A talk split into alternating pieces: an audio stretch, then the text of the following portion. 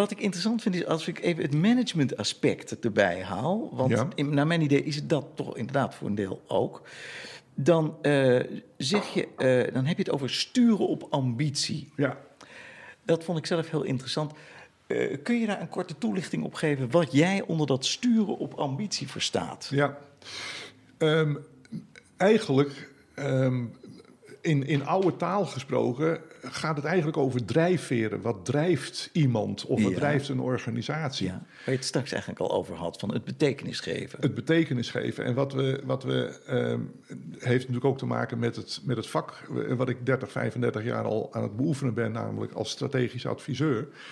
Ja, ik ben wel een beetje klaar met missies en visies, Ja. eh, om, om het je eerlijk te maar te Ja. zeggen. En ik heb ook gemerkt dat eh, het begrip strategie, ehm, ehm, dat, dat werkt ook niet meer zo goed. Want een strategie is eigenlijk alleen maar een plan om iets te realiseren.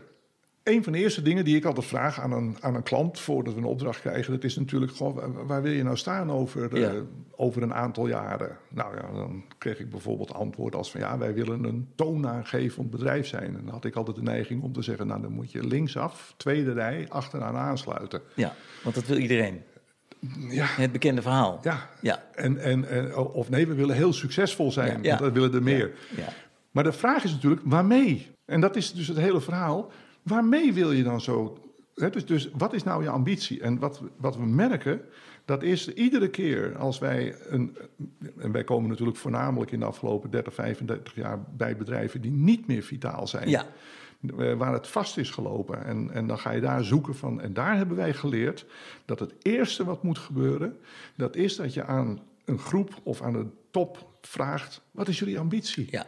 Wat wil je eigenlijk, wat wil je zelf bereiken? Maar- wat wil je met je organisatie bereiken? En dan dus niet in termen van, zoals je net zei, eh, succesvol, toonaangevend. Kun je een voorbeeld geven? Wat voor termen vraag je naar? Waar zoek je naar als het over ambitie hebt? Ehm, over datgene waar, eh, eh, waarom ze überhaupt een team willen zijn, om maar zo te zeggen, die vraag stel ik ook wel eens van, waar- waarom willen jullie eigenlijk een team zijn?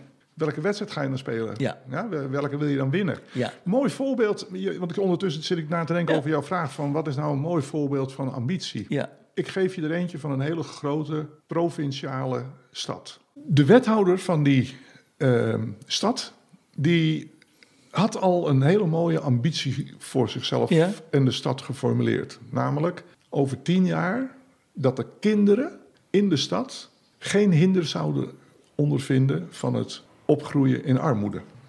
Wauw. Dat is een hele mooie Ja. ambitie. Kijk, daar word je, daar word je warm van. Ja.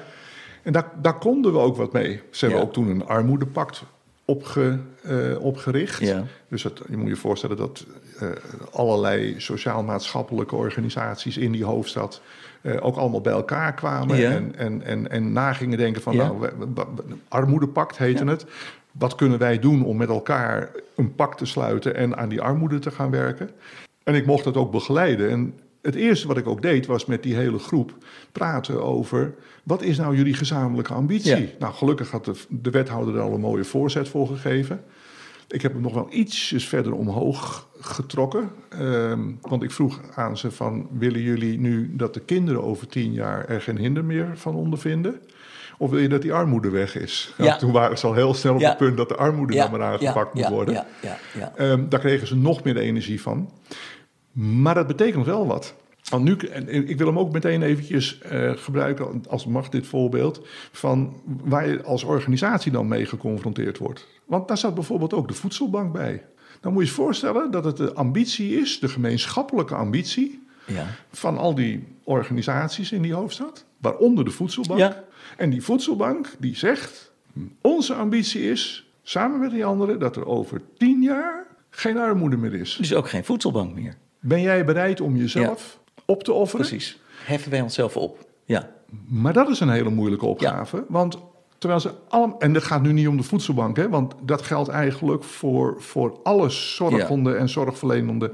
Ben je in staat om even niet na te gaan denken van ja, maar wat levert dit op? Of wat levert dit.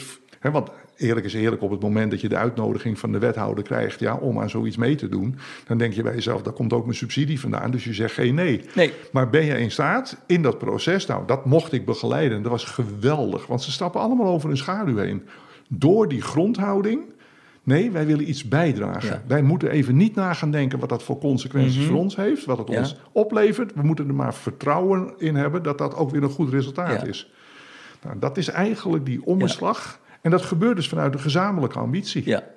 Ik vond het wel grappig. eh, in jouw boek heb je een ander voorbeeld over ambitie. Eh, dat je het vroeg en dat hij zei: Nou, we willen in de finale van een wedstrijd staan. en toen zei ja, Wait a minute. Dit, Ja, dit- nee, I, don't. I don't get it. Ja, nee, I dat- don't- ja.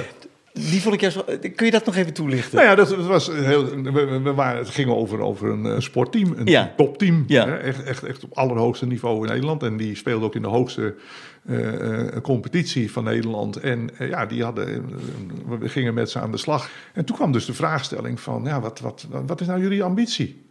En, en toen zei die manager, die zei van, ja, ja, we- ja, we willen eigenlijk binnen twee, drie jaar weer in de finale staan. En toen zei ik, nou, dat vind ik wel zo'n Ja. Flut Ja. ambitie. Ja. En toen keek die man en zei, hoezo dan? Ik zei, nou, ik neem aan dat als je erin staat, dat je hem niet wil verliezen. Nee, nee. Nee, zegt hij.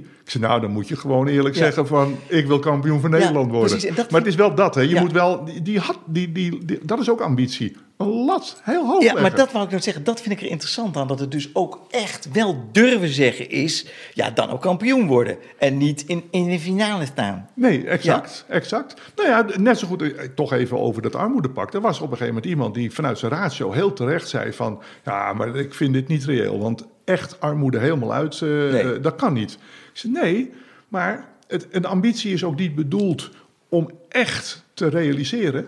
Hij moet richtinggevend Ja. zijn. Het gaat erom dat Ja. je een richtinggevende Ja. ambitie hebt. Ja. Wij noemen dat zelfs een applausgebied voor de organisatie. Als de organisatie in staat is om aan te geven wat hun ambitie is, dan kan je vervolgens aan alle medewerkers vragen: ja, wil je je persoonlijke, betekenisvolle ambitie in lijn brengen met die van de organisatie? Ja. Ja, en dan nu gebeurt er wat. En eigenlijk zo simpel is het. En dat is ook hetgene, leven en werken in de vierde dimensie, waar die evoluerende mens zo'n behoefte aan heeft. Die heeft echt behoefte aan het feit dat de organisatie een ambitie heeft. Want zij willen namelijk een betekenisvol leven. Ja. Dus ze willen ergens aan bijdragen.